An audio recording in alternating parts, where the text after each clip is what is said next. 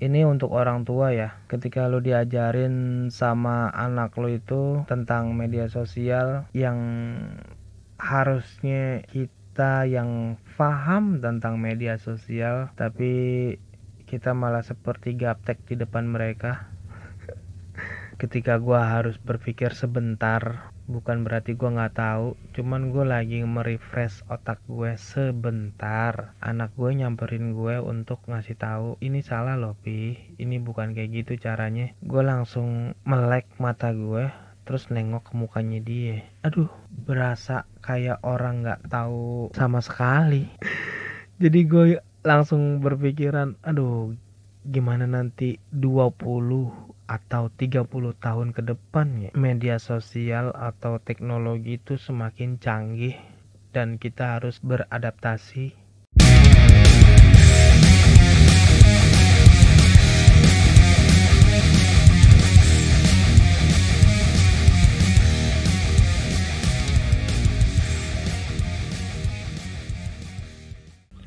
Selamat datang di podcast Milan Netizen bersama gue Dedi Kurniawan podcast yang membahas sesuai kebutuhan, podcast yang suka ketawa tipis-tipis, podcast yang rilis setiap hari Senin dan Kamis.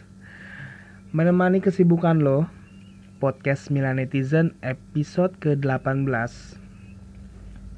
Jadi ada berita yang bikin sebel juga gue sebagai pedagang lah istilahnya kan karena gue juga jualan nih. Ini datang dari tukang bakso pikul keliling ngeludahin mangkok pelanggan di daerah Meruya Selatan, Kembangan, Jakarta Barat yang rame di obrolin juga di media sosial apalagi di YouTube. Dan kacau juga sih ini orang. Ini kejadiannya tuh uh, menjelang malamnya itu jam tujuan kali ya. Pas uh, seorang ibu-ibu ibu rumah tangga di rumah sendirian bersama anaknya dia pengen makan bakso tapi orangnya ada di depan tapi dia takut juga ninggalin anaknya di dalam sendirian.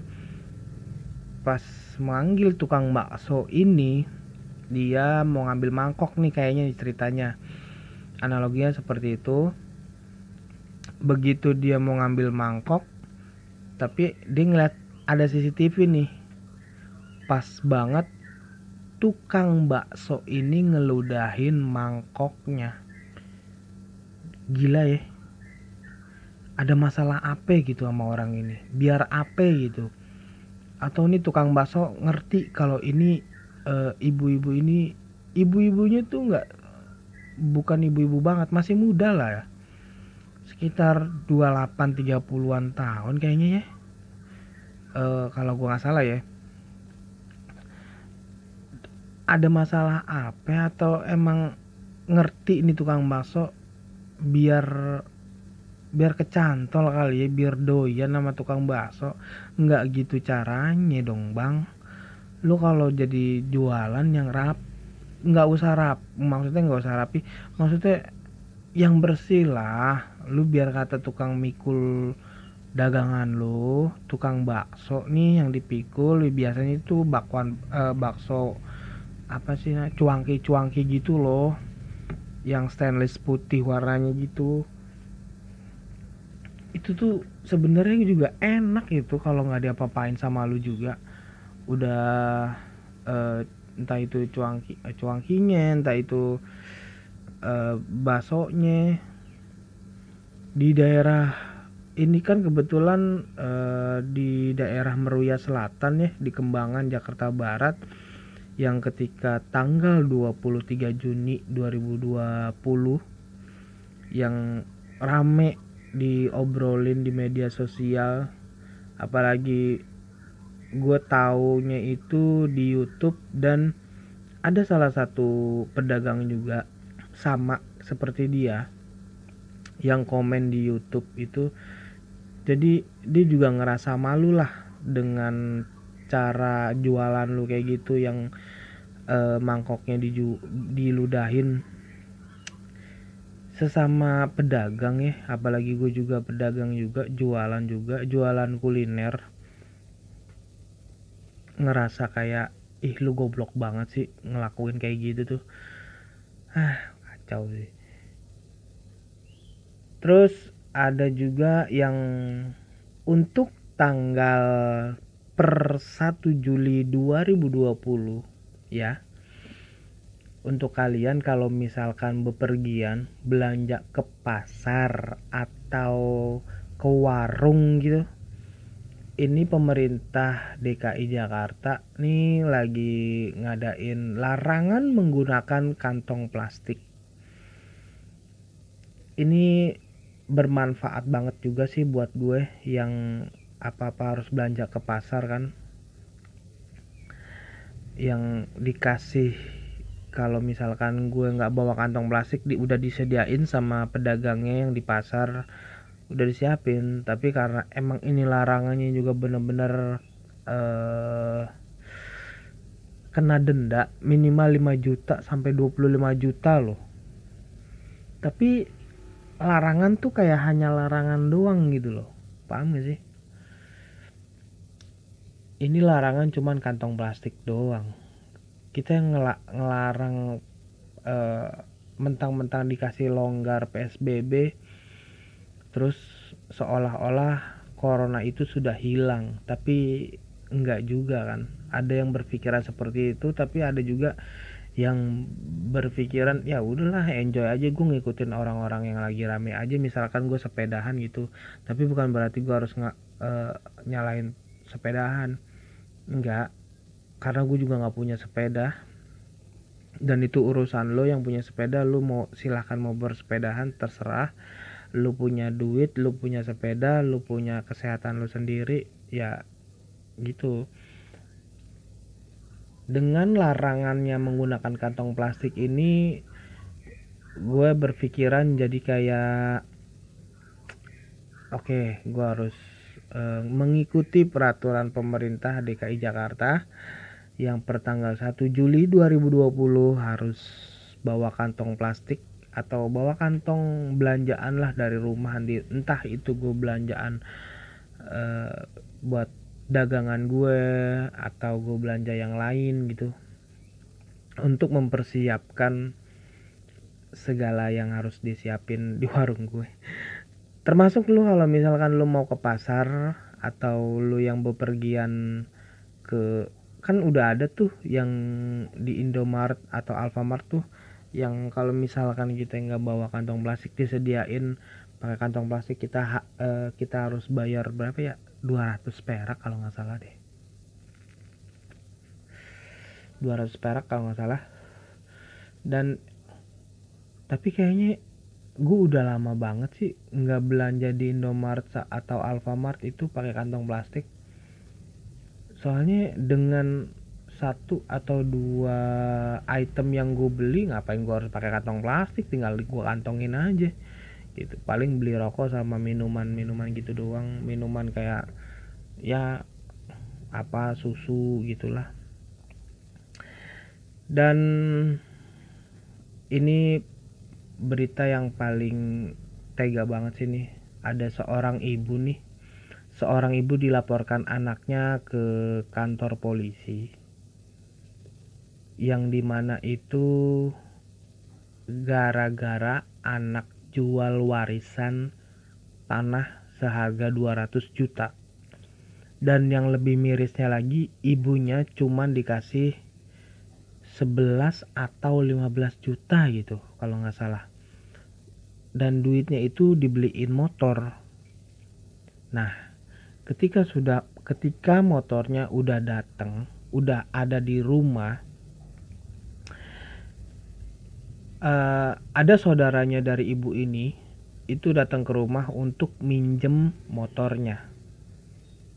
Nah, saudaranya tersebut bawa motornya, taruh aja dulu di rumah. Tapi si anak yang melaporkan ibu ini ke polisi menduga bahwa sang ibu menggelapkan motornya. Hmm. sampai sini gue langsung berpikiran ini anak itu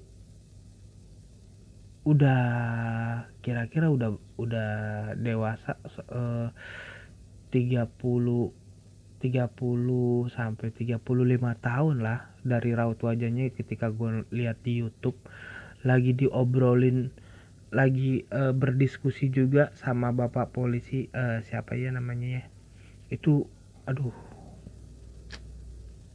Gimana sih lu tuh udah dilahirin sama emak lu nih? 9 bulan. Yang belum lagi begitu ngelahirin lu susah payah sampai ngeden-ngeden terus ngerawat lu e, cebokin tai lu terus mandiin lu e, belum lagi lu ngerengek-ngerengek padahal emak lu bener-bener capek ngurusin lu. E, kebetulan yang gue langsung berpikiran tuh uh, kayak ke istri gue aja lah. Istri gue terus ngelahirin anak gue sebelum uh, anak gue di dalam kandungan istri gue aja tuh udah meringis meringis pas lagi mau lahiran. Lahirannya tuh harus eh, masih normal normal. Tapi gue juga sebagai ayah dari anak gue ini juga harus ngebantu uh, bidannya untuk ngeluarin anak gue ini. Langsung berpikir aduh lu otaknya ke mana sih untuk mau memenjarakan emak lu sendiri gitu loh. Cuman gara-gara warisan cuman gara-gara uh, anak warisan dari ayahnya bapaknya ini tanah dijual dengan seharga 200 juta dan emaknya itu taruhlah kita anggap emaknya ini dikasih duit 15 juta buat beliin motor tapi motornya dibawa saudara bukan berarti ibu-ibu ibu-ibu nih. Bawa motor itu paling seperlunya doang nggak mejeng kayak anak muda enggak nggak ada nggak ada. Nggak trek-trekan apalagi. Aduh ibu-ibu loh. Paling peng ke pengajian paling ke pasar paling ke tempat saudara. Udah dan lu aduh ini tuh bener-bener tega banget sampai memenjarakan orang tuanya sendiri. Dan kebetulan bersyukurnya ketika di kantor polisi itu ada seorang polisi yang berusaha jangan sampai emaknya ini ibu kandungnya ini dipenjarakan cuman gara-gara hal seperti ini. Gue lupa lagi nama polisinya siapa ya. Pokoknya siapa pun bapak polisi tersebut yang ada di video itu semoga dikasih rezeki yang sangat sangat sangat banyak dari Allah Subhanahu wa taala. Amin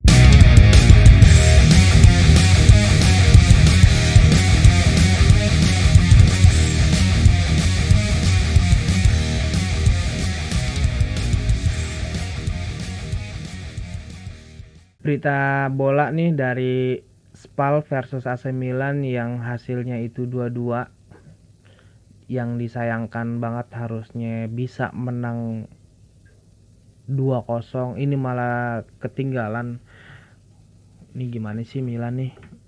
Babak pertama babak pertama udah kalah duluan lu 2-0 untungnya bisa menyeimbangkan skor dengan skor 2-2 walaupun banyak yang bilang gol kedua dari Milan itu beruntung aja.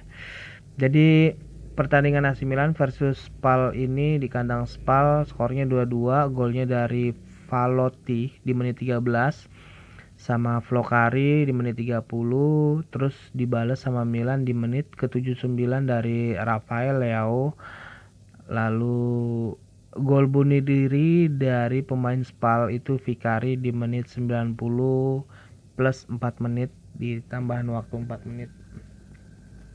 Jadi banyak banget beberapa peluang yang datang dari Milan. Dibombardir di sud sono sud sini berusaha untuk membobol gawang Spal tapi ada beberapa yang dibilang uh, apa tendangan pemain Milan tuh pada goblok gitu apalagi yang sering nendang tuh kayaknya Lukas Paqueta yang ini ini berita bagus juga untuk Lukas Paqueta nih yang dia bilang Lukas Paqueta itu nggak bakalan pindah ke mana pun. Walaupun dia di Milan saat ini belum bisa membuktikan kualitas permainannya dia bersama Milan yang digadang-gadang bakalan cabut dari Milan yang mau ke Fiorentina apalagi paling kenceng ke Fiorentina. Selain Spal versus Milan yang skornya imbang 2-2 ada Torino versus Lazio 1-2 Genoa versus Juve 1-3 Brescia Inter versus Brescia nih 6-0 gokil nih keren. Terus Barca versus ATM 2-2 Brighton versus MU Liga Inggris ada 0-3 dan uh, next match pertandingan di Giornata ke-30 Liga Italia Serie A Lazio versus AC Milan hari Minggu tanggal 5 bulan Juli 2020 di biasa di dini hari ya kayaknya di dini hari ini pembuktian harus bisa jangan sampai kalah lah ya minimal tuh. Sering nggak masalah. Apalagi lawannya Lazio habis Lazio Juve habis Juve Napoli. Uh gokil nih bener-bener gokil. Nggak nggak bisa ngebayangin kalau misalkan hmm, Milan itu nggak main di Liga Eropa minimal di Liga Eropa dong. Ayo dong ayo dong ayo dong. Ayo Milan lu kenapa sih uh, dengan lu udah kehabisan bensin apa gimana nih? Lu bisa ngelawan Roma lu bisa ngelawan Roma. Ya terus lu bisa nahan imbang Juve tapi lu kenapa lawan Spal? Hancur banget hancur banget hancur banget. Dan di episode kemarin yang gue sempat nyinggung uh, eh, AC Milan versus AC Milan bukan versus ya AC Milan yang upload LGBT ternyata dan dengar dengar dengar kabar kayaknya itu AC Milan bukannya mendukung. Cuman pride namanya uh, selamat hari apa gitu ya. Gue juga nggak ngerti gue gue juga nggak mau uh, mau tahu tentang logo eh logo. Warna rainbownya AC Milan gitu. Tapi ini malah jadi banyak banget yang mempermasa mempermasalahkan hal AC Milan ngupload soal LGBT nih. Ternyata kan malah jadi ke mana-mana sampai gue sempet singgung-singgung juga tuh di Facebook eh bukan di Facebook di Instagram eh, gue komenin temen gue Uh, soal Milan tapi bukan soal lagi LGBT-nya kebetulan komenan gue ini dibales sama salah satu orang yang nggak seneng sama LGBT-nya tapi gue ketawain aja. Aduh ya Allah.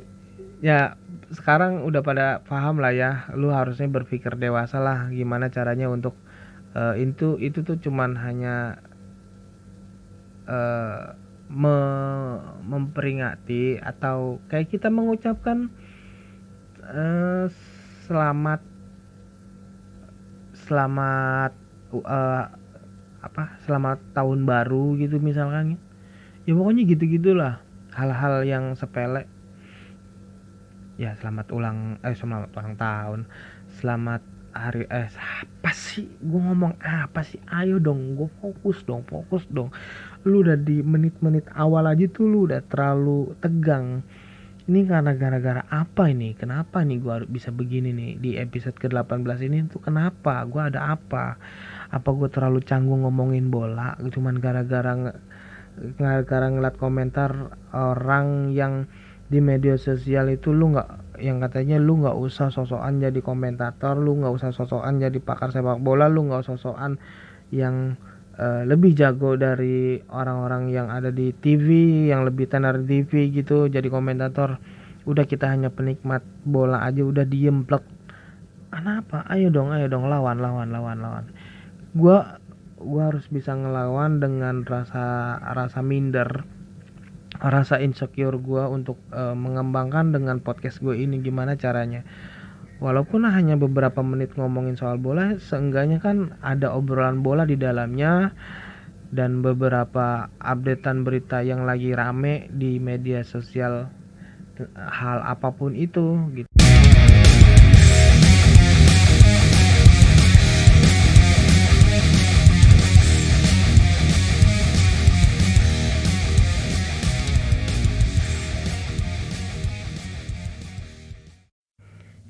untuk orang tua ya. Ketika lu diajarin sama anak lu itu tentang media sosial yang harusnya kita yang paham tentang media sosial tapi kita malah seperti gaptek di depan mereka. Ini yang gue alamin di beberapa hari yang lalu ketika gue harus berpikir sebentar bukan berarti gue nggak tahu cuman gue lagi merefresh otak gue sebentar. Nah anak gue nyamperin gue untuk ngasih tahu ini ini salah loh pi. Ini bukan kayak gitu caranya.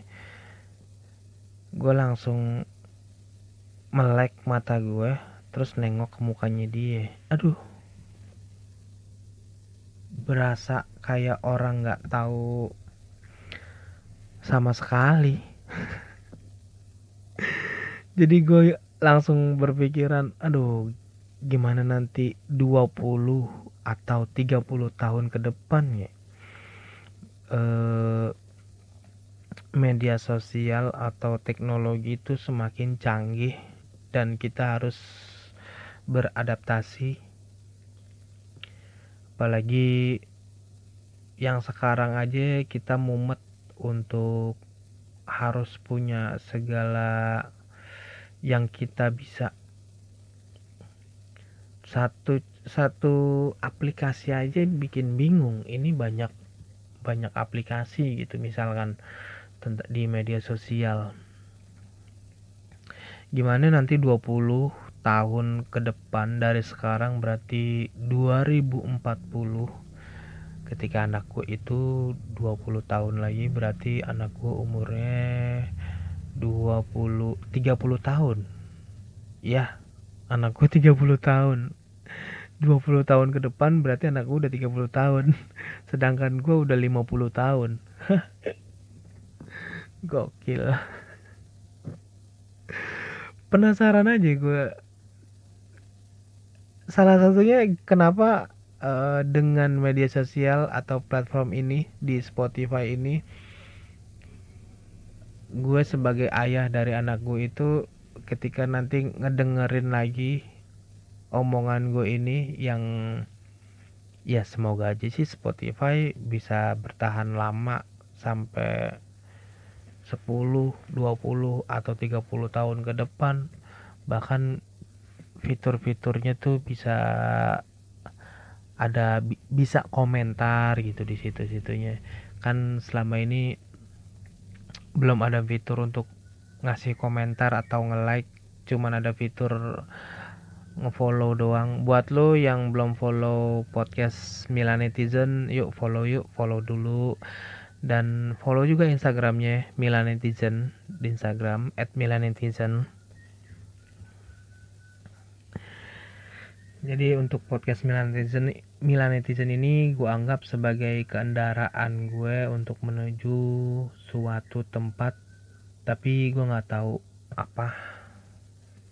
Jadi seenggaknya gue punya kendaraan nih untuk menuju sesuatu lokasi yang dituju tapi gue nggak tahu itu apa tempatnya apa gitu. Pelan-pelan aja dengan apa yang gue bisa apa yang gue ngerti tentang media sosial tentang apa yang lagi diramein di masyarakat Indonesia. Dan gue juga suka bola yang ngomongin aja di di segmen-segmen di setiap episode. Nggak melulu harus tentang bola juga karena yang udah gue bilang di episode episode sebelumnya tipikal orang bosenan itu ya harus apalagi harus bisa konsisten bener-bener harus bisa konsisten. Wah gila sih ini bener. Padahal kita padahal gua sendiri itu sendiri eh, nggak uh, punya tim nggak punya ruang kerja untuk mengembangkan podcast gue ini yang harus bisa mengembangkan potensi gue sampai mana sih gue bisanya bikin bikin podcast ini. Terima kasih sudah mendengarkan podcast Milan Netizen bersama gue Deddy Kurniawan di episode ke-18 dan jaga kesehatan lo.